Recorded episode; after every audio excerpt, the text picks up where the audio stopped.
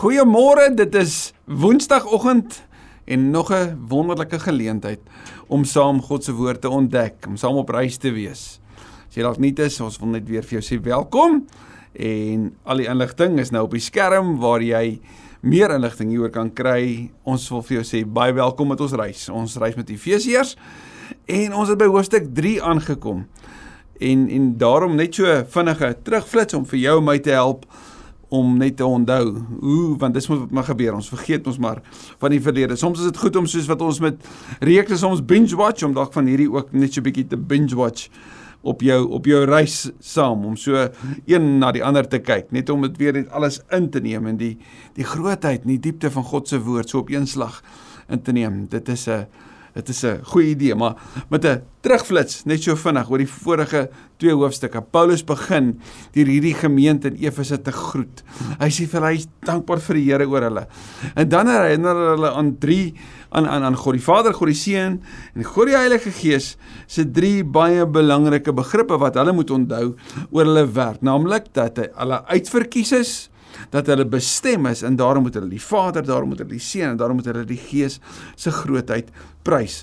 Hierdie eerste bekendstelling oor wie God is en hoe hulle daarteenoor moet reageer, eindig hy dan in hoofstuk 1 met 'n gebed vir hulle. Hy sê ek bid dat julle God se krag sal ken. Dieselfde krag wat Jesus uit die dood uit opgewek het, is aan julle aan die werk. Ek bid dat julle persoonlik naby aan hom sal wees, dat julle dus in verhouding met hom sal leef. In hoofstuk 2 begin hy met 'n probleemstelling. Hy herinner hulle aan hulle verlede. Hy sê, "Kom ek verduidelik vir julle hoe julle lewe voor die tyd was." Na eerste 3 verse. Julle was verlore, julle was ver van God af. Maar God het alles kom verander. Hy is die oplossing. Hy het julle nuut gemaak en in 2 vers 10, julle is sy poema, sy gedig, sy skepingswerk aan hierdie aarde. In hoofstuk 2 se tweede deel dan herinner hy hulle dan dan hoe hierdie kan uitspeel. En hy sê julle is nie net sy skepingswerk nie, julle is ook deel van een nuwe mensheid. En op daai manier trek hy Jode en Grieke saam in 'n totale nuwe wese. Dat God 'n nuwe mensheid, met ander woorde 'n nuwe manier van bestaan geskep het. Hulle is nie net deel van die mensheid nie, Hulle is ook deel van die liggaam wat Christus waarvan Christus die hoof is. En hulle is deel van die gebou wat natuurlik vir hulle as wat wat inwoners van Efesië van Efese was, sou herinner aan die aan die tempel van Artemis. En hulle moes hoor nee maar dis nie daai tempel nie, nie julle liggame. Julle is die gebou. Julle is deel daarvan en God kom woon binne julle. Nie net is julle die gebou nie, maar julle word ook opgebou in Christus. En verlede week het ons mekaar gevra om te wat. In hoofstuk 3 is daar amper hierdie hierdie brug tussen julle is hierdie nuwe skepingswerk en dit is hoe dit prakties uitspeel rondom die plek van gebed. En Paulus het het regtig in hierdie brief kan jy die woord gebed soveel keer raak sien en raak lees. Maar Paulus het 'n 'n baie groot dryf om hulle te herinner aan dit waarmee hulle besig is. Wat God in hulle en deur hulle doen sodat hulle al hierdie goed gaan kan doen wat hy vanaf hoofstuk 4 tot 6 vir hulle duidelik maak en prakties uitspeel. Maar dit is vir hom belangrik dat hulle moet verstaan waarmee God besig is. Hoe hy deel is daarvan en en natuurlik wat hulle daaruit ook moet leer en hoe dit ook in hulle eie lewe kan posvat. Kom ons bid die Here dat hy ook vandag vars nuus vir ons elkeen sal oopbreek. Dat ek en jy sal hoor by die Here wat ons vandag net by hom moet hoor.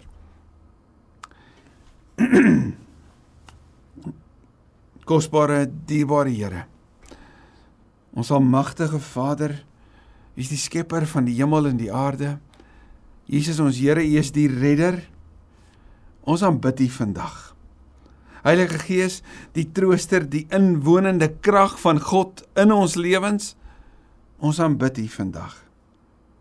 Here baie baie dankie dat ons nooit genoeg kan kry van U woord nie. Dankie dat U die woord vir ons gegee het sodat ons daarin ook U stem kan hoor, U wil kan sien en Here kan beleef hoe ons in ons verhouding met U elke dag dit kry wat ons vir daai dag nodig het. Dankie dat U nog altyd getrou was. Dat U vandag getrou is en dat U getrou sal wees. Dat U getrou is in die openbaarmaking van U waarheid, U woord en dat U ons lei al hoe meer op die pad van Jesus Dit is so my gebed, Here, dat U wat vir ons gesê het ons is 'n skepingswerk, U skepingswerk, U poema, dat U ook vandag soos Kolossense 3 vers 10 sê, ons al hoe meer sal verander, ook vandag na die beeld van Christus toe. Ons bid dit met verwagting in Jesus se naam. Amen. Amen. Kolossense 3 Ag vir Kolossense Efesiërs 3 vers 1 lees as volg. Daarom, dis nou op grond van al die voorafgaande, bid ek vir julle wat nie Jode is nie. Ek, Paulus, 'n gevangene, deur my diens aan Jesus Christus. Paulus se bemoediging vir hulle kom vanuit hierdie plek van gebed.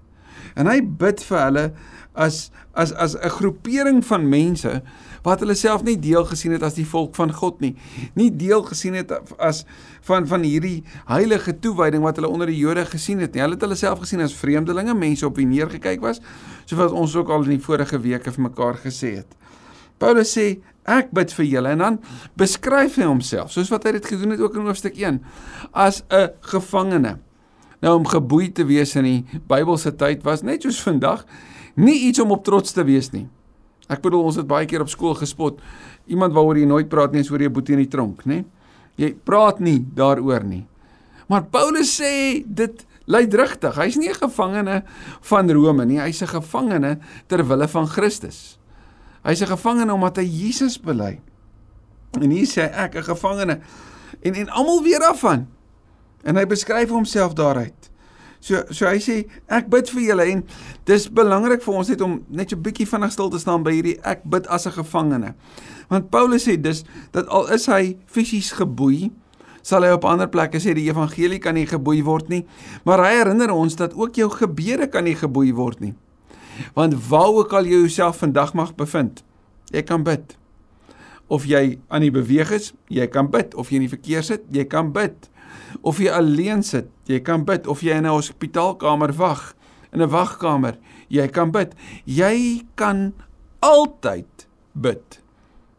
Daarom sal Paulus later sê daar in Tessalonisense, bid sonder ophou. Ons kan bid en as gevangene sy besig om te bid. So terwyl hy dink aan die gemeente in Efese, terwyl hy vir hulle skryf, sê hy bid ek vir julle ek 'n gevangene deur my diens aan Christus. Paulus beskryf sy sy sy diensbaarheid van Christus en aan Christus as 'n voorreg. Hy noem homself 'n doulos, 'n 'n 'n dienaar van die Here. En in sy dienswerk aan Christus, en dit is belangrik om dit te verstaan, Paulus sê ek is 'n gevangene vanweë Christus en Paulus sê ek is 'n dienskneg van Christus, daarom omdat Christus my fokus is. Is ek diensbaar vir julle? Ek is nie net diensbaar omdat ek iets by julle wil hê nie, wat ek iets van julle gaan kry nie. Ek is diensbaar omdat ek 'n ander fokus het. En daai fokus bepaal die vreugde van my lewe. Dit bepaal die rigting, bepaal my diensbaarheid. Dit is 'n voorreg om te kan dien omdat ek Christus dien. Lees meer daaroor in Filippense 1 waarin Paulus ook sê dat dit 'n voorreg is om nie net Christus te dien nie, maar om ook vir hom te kan lei. Sy perspektief bly op God, God wat in Handelinge 9 gesê het, jy gaan vir my lei. Vers 2: Julle het tog seker gehoor van die opdrag wat God in sy genade aan my gegee het. Nou hierdie woord opdrag is die Griekse woord oikonomia. Oikos huis, nomos wet, die wet van die huis. Ons woord ekonomie kom daarvan eh, word daaruit afgelei. Paulus sê ek het 'n opdrag gekry. Nou die die wet van die huis, die oikonomia was die was die funksie van die bestuurder van die huis om te sorg dat die plan van die huiseienaar uitgevoer word. En daarom as Paulus sê die opdrag, dan sê hy ek het by die huiseienaar, by die Vader gehoor wat ek moet doen. En wat is dit wat ek gekry het? Ek het dit gekry uit God se geskenk, sy garis, sy genade vir my. En waaroor gaan dit? Dis in julle belang. Dus sy opdrag vir my was nie oor my nie. Al ooit gehoor van life, it's not about you. Paulus sal sê presies. Dit gaan nie oor my nie. Ek het hierdie opdrag gekry, hierdie verantwoordelikheid. En julle het hiervan gehoor. Met ander woorde, Paulus bevestig sy getuienis. Paulus bevestig wat oor hom gesê was dat hy by God 'n opdrag gekry het in hulle belang. Vers 3: Hy het sy geheimenis deur die openbaring aan my bekend gemaak, soos ek dit hierbo kortlik beskryf het. Wat se geheimenis is dit? Die geheimenis is Christus. Dat God verlossing gebring het in Christus dat die straf van God op Christus was. Jesus het opgestaan, het opgevaar na die hemel, die Gees is uitgestort op die gelowiges en hierdie gelowiges verteenwoordig nou die een nuwe mensheid. Ons gaan later sien vanuit hierdie hoofstuk dat hierdie groot geheimenis is juis die geheimenis wat bedoel is vir die hele wêreld. Naamlik om te wys wat God se oorspronklike bedoeling was en wat God in Christus die herstel gebring het sodat dit sigbaar word. Nie in 'n filosofie in 'n ideologie of selfs net in 'n film nie maar in die waar die tekkie die teerslaan lewe van mense. Waar daar werklik een nuwe mensheid is waar 'n heiden en 'n Jood as broer en suster, as as familie, as broer en broer ooreenkom, saamleef en die en die Jesus lewe leef. En ons sien hoe dit die wêreld in daai tyd verander het. Jy kan meer gaan lees van Rodney Stark se se boeke oor die groei van die Christendom daai eerste 300 jaar nog nooit was daar so 'n groei en 'n beweging van alle tye nie. Soos die Christene wat hierdie Jesus lewe op hierdie radikale manier geleef het. Hierdie geheimenis van 'n nuwe lewe het God in 'n openbaring aan hom bekend gemaak in Galasiërs 1:12 waar Paulus sê toe toe hy tot bekering gekom het, toe toe hy Jesus ontmoet het, is hy nie dadelik Jerusalem toe om al die inligting te kry nie. Nee. Hy is toe eers Arabië toe. Hy's woestyn toe. En daar in die woestyn het die Here aan hom gedeel. Hy het vir hom die openbaring gegee. Hy het daarin gesien dat dat die ganse Ou Testament dui op Jesus. Hy het kon sien dat Jesus die Here is. En wanneer hy dan later in Jerusalem sal aankom by hulle wat op wat self daar was, by hulle wat dit gesien het en beleef het, dan is die stories wat hy deel en dit wat hulle ervaar het aan mekaar gehaak. En skielik sien ons hierdie hierdie hierdie hierdie bron van kennis en van openbaring en van waarheid en van wie Jesus is en van hoe dit uitgespeel het. En dan word dit op skrif gestel. In vir Efesiërs sê Paulus, hy het daai openbarings gekry, dis aan hom bekend gemaak En hierdie openbarings is later ook bevestig deur die apostels. Dis nie net Paulus wat eenkant in 'n grot gaan sit en sê ek het gehoor en julle moet dit vat nie. Nee, hy het dit gaan deel en dit is juist daarvan uit daai verhouding wat die kredietwaardigheid van die skrif ook duidelik word. Soos ek dit vir julle beskryf het. En as julle dit lees, sal julle 'n begrip kry van my insig in die geheimenis van Christus. Van my verstaan. Van waaroor dit regtig gaan. En as Paulus hierdie skryf, skryf hy dit vir die heidene, maar die Jode moet dit ook hoor dat dit alles gaan oor Jesus. Nog nooit tevore in die geskiedenis is die geheimenis aan die mensdom bekend gemaak soos God dit nou deur die Gees aan sy heilige apostels en profete geopenbaar het nie. Wat Paulus sê is nog nooit tevore in die ganse geskiedenis, dis dis ook die Ou Testament, is dit bekend gemaak dat dat God se bedoeling God se se se idee, naamlik dat dat die mensdom verenig sal word onder die heerskappy van van van sy gees onder die belydenis dat Jesus die Here is. Dit het nog ooit so duidelik geword soos van dat Jesus op aarde kom leef het, onder ons kom woon het en die Gees uitgestort is nie. Nog nooit tevore is hierdie geheim en is duidelik gemaak nie. Al het al die profete daaroor gepraat dat daar verlossing sou kom, al het al die beloftes daarop gedui nou het dit waar geword. En julle die die Griekse gelowiges, die heidense gelowiges van Efesiërs, julle is deel daarvan. So julle mag dalk uitgesluit gevoel het uit die verlede, uit die stories van die verlede. Nou nie meer nie. Nou is julle deel, julle is in die hartjie daarvan. Soos ons ook, die gelowige Jode, deel is daarvan, is julle ook. Nog nooit tevore is dit so bekend gemaak nie. Dis God het nou wat deur sy gees aan sy heilige apostels. Nou hierdie heilige is nie 'n statusverklaring nie, asof hulle meer meer weet op 'n ander vlak is nie. Die die Nuwe Testament sê ons vir ons leer dat as jy wil opgaan, moet jy afgaan. So hoe meer diensbaar jy is, hoe meer die ander eerste stel, hoe meer is dit 'n teken van jou toewyding. Eerder as wat ander aan jou eer toeken en aan jou titels toeken of wat ook al. Hierdie woord hagioi het ons verlede week ook gesê is is eenkant gestel. Apart gestel. Hulle is afgesonder, toegewy om hulle hiermee besig te hou. So God het aan sy heilige apostels en profete geopenbaar. Nou dit kom sê ook dat die woord profeet is nie net 'n 'n Ou Testamentiese term wat uitgesterf het soos sommige Joodse geleerdes gedink het nie. Nee. Paulus gaan in hoofstuk 4 van Efesiërs sê nee, profete om te vertel, om te profeteer, om God se wil bekend te maak is 'n funksie, is 'n gawe, is 'n geskenk aan die kerk. En dit is die geheimnis deur die verkondiging van die evangelie en hulle verbondenheid met Christus Jesus word ook mense wat nie Jode is nie saam met ons deel van die volk van God en lede van die liggaam van Christus en kry hulle ook saam met ons deel aan wat God beloof het. Hoor jy dit? Paulus sê hier's die geheimnis. sien God se bedoeling was om die vrede te herstel. Ons verhouding met hom, ons verhouding met mekaar. Hoe het hy dit gedoen? Deur sy seun te gee as 'n offer. En wat het daarna gebeur? Wel, dit het waar geword. Hy sê gees uitgestort en nou het hierdie een nuwe mensheid het het lewe gekry. Soos 'n dooie wese lewend word, het hulle lewend geword. Kom ons vat van hierdie woorde. Hy sê in julle verbondenheid met Christus. Die die Griekse woord sumetogos het te doen met om om deelnemers te wees. Deur julle deelname So julle is nie op 'n afstand nie. Nee, julle neem saam met ons deel. Julle deelname aan Christus word ook mense wat nie Jode is nie. Julle mense van Efese deel van die volk van God, die Amjave. Julle is nou hier binnekant.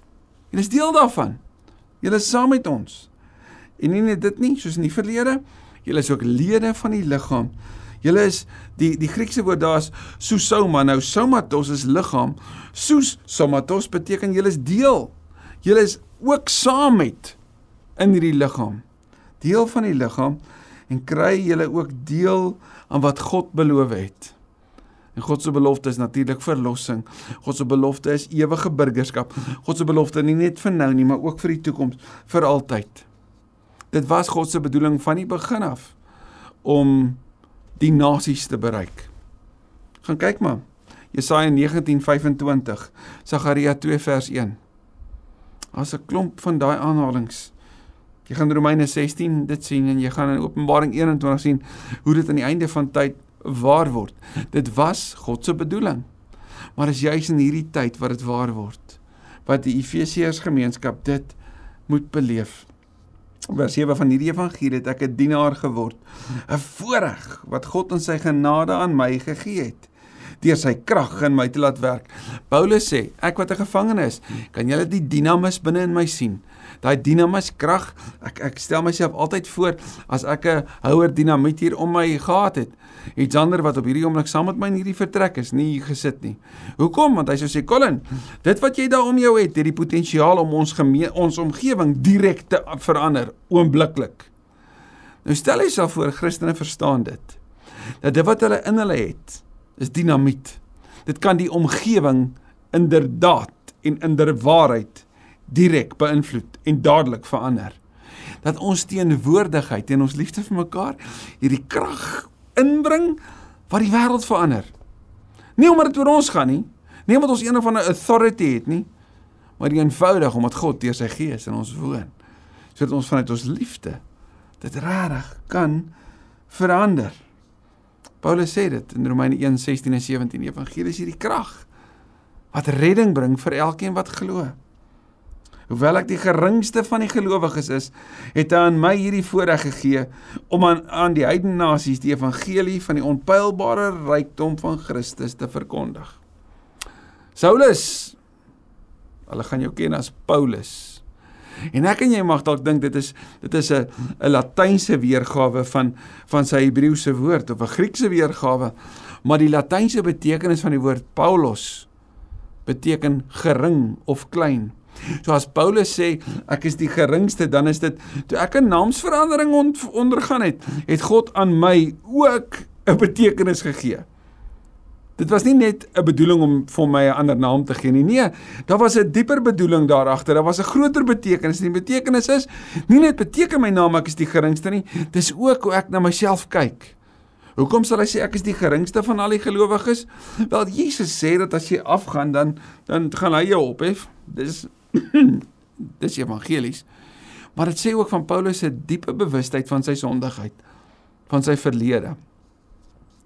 Ons moet tog nooit vergeet van waar ons was voor Christus nie. Van wat met ons lewe gebeur het sonder hom nie. Van hoekom ons is wie ons is nou nie en dat dit alles net genade is.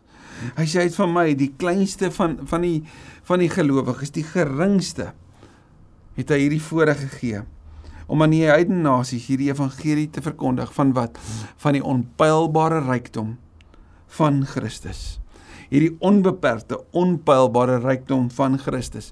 En wat Paulus sê is al wat ons moet verkondig is Christus. Gaan sien maar Kolossense 1 vers 28 se verder beskrywing hiervan. En as kerk moet ons dit verstaan. Paulus sê ek het hierdie geweldige voorreg om oor Jesus te praat. Ons hoef oor niks anders te praat nie. As gelowiges kan ons nie anders as om oor Jesus te praat nie, maar oor wat anders sou jy wou praat? as oor Jesus en hierdie magtige werk wat hy gedoen het van redding en herstel. En alles, alles wys op hom. Daarom moet ons so versigtig wees om op wat anders nou noem sideshows te fokus. En eerder net te fokus op hierdie belangrike boodskap van die evangelie. Paulus sê ek moet aan almal bekend maak hoe God die skepper van alle dinge nou sy verborgde plan uitvoer nadat hy dit deur die eeue heen geheim laat bly het. 'n herhaling van die verlede.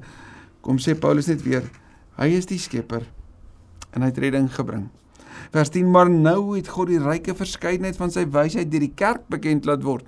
sien Paulus kom sê wat ek nou die hele tyd vir julle kom vertel het van van wie God is, van wat hy gedoen het, van hoe hy julle herskep het, van hoe julle deel is van die nuwe mensheid. Ek het die voorreg om dit vir julle te verkondig. Raai wat? Julle moet dit nou gaan modelleer in julle gemeenskappe. Julle moet dit nou gaan prakties uitvoer en dit sigbaar maak. En hierdie geheim van sy herstel het hy aan julle gegee sodat julle dit vir die wêreld kan gee. Hy het dit deur die kerk bekend laat maak. En aan wie? Net aan mense? Nee, hoor mooi wat hy sê, aan elke mag en gesag in die hemelruim.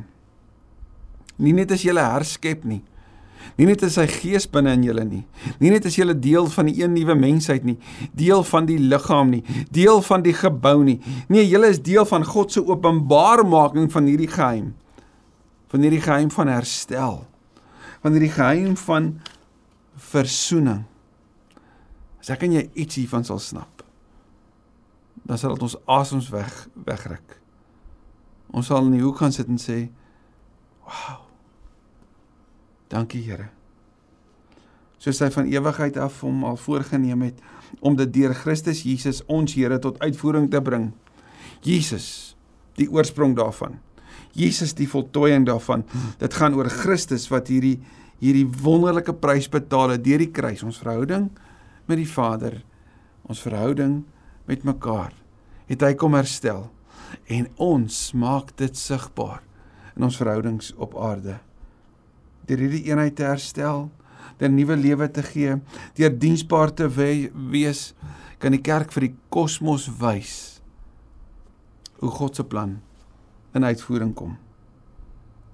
In ons verbondenheid met hom sê vers 12 en deur ons geloof in hom kan ons met vrymoedigheid en vertroue na God gaan.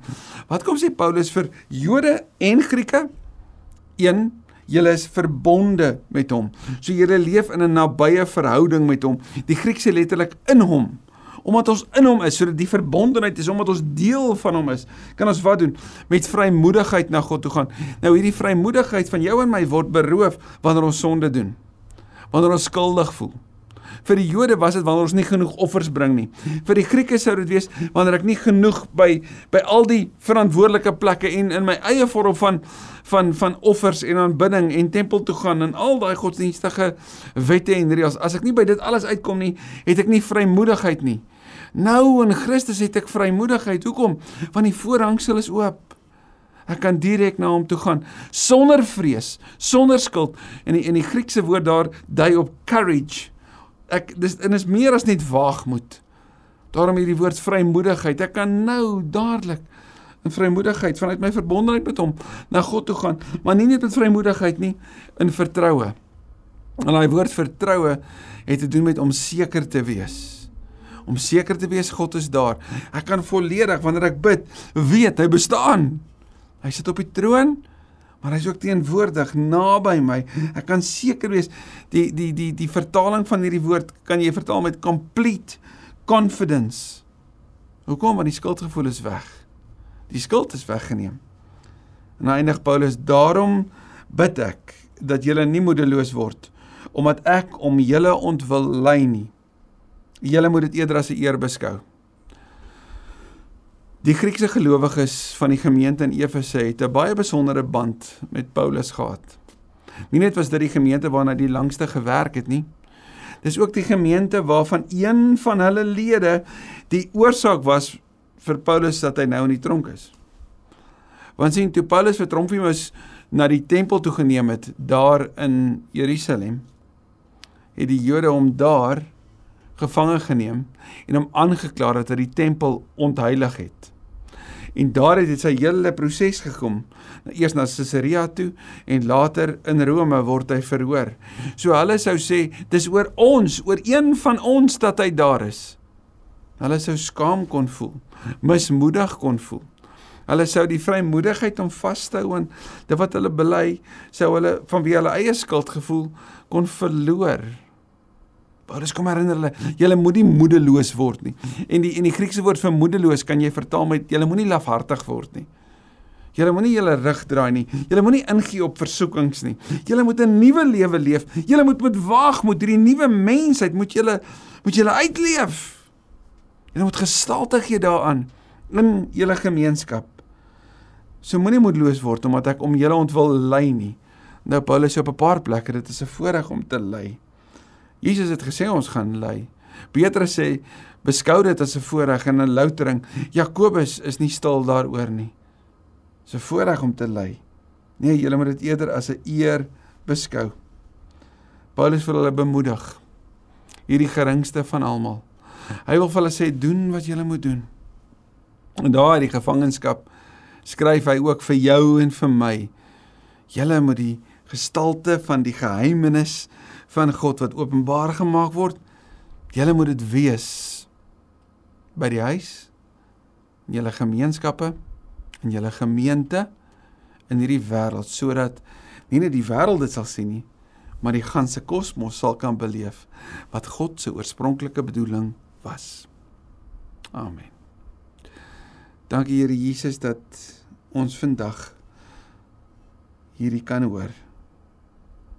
Dankie dat ons iets kan beleef van hierdie openbaring wat groei in hierdie kosbare brief van Paulus en dat hierdie baie unieke fokus nie net op Efese nie maar vir ons elkeen vandag iets kom sê van die verantwoordelikheid wat ons het om gestalte te gee aan hierdie groot geskenk van God. Mag ons nie kyk na mekaar. En mag ons die verantwoordelikheid saam opneem om deur die bekragtiging van die Gees Jesus te verkondig en net Jesus altyd. Ons bid dit in U naam. Amen. Amen. Onthou as jy gebed nodig het, gebed@ksm.co.za. As jy sorg nodig het of weet van iemand, stuur asseblief 'n e-pos na sorg@ksm.co.za. As jy deel wil wees van 'n groep, kan jy verseker inskakel by een van ons groepe ook aanlyn. En as jy meer wil weet oor groei en groei geleenthede, is daar ook vir jou 'n skakel. Ons wil regtig 'n gemeenskap wees wat gestalte gee aan wat Paulus hieroor praat. En daarom moet ons hande vat met mekaar, nie net op op hierdie platforms nie, maar op al die verskillende platforms waar ons die voorreg het om te kom verklaar Jesus is die Here. Mag jy 'n besondere mooi dag hê.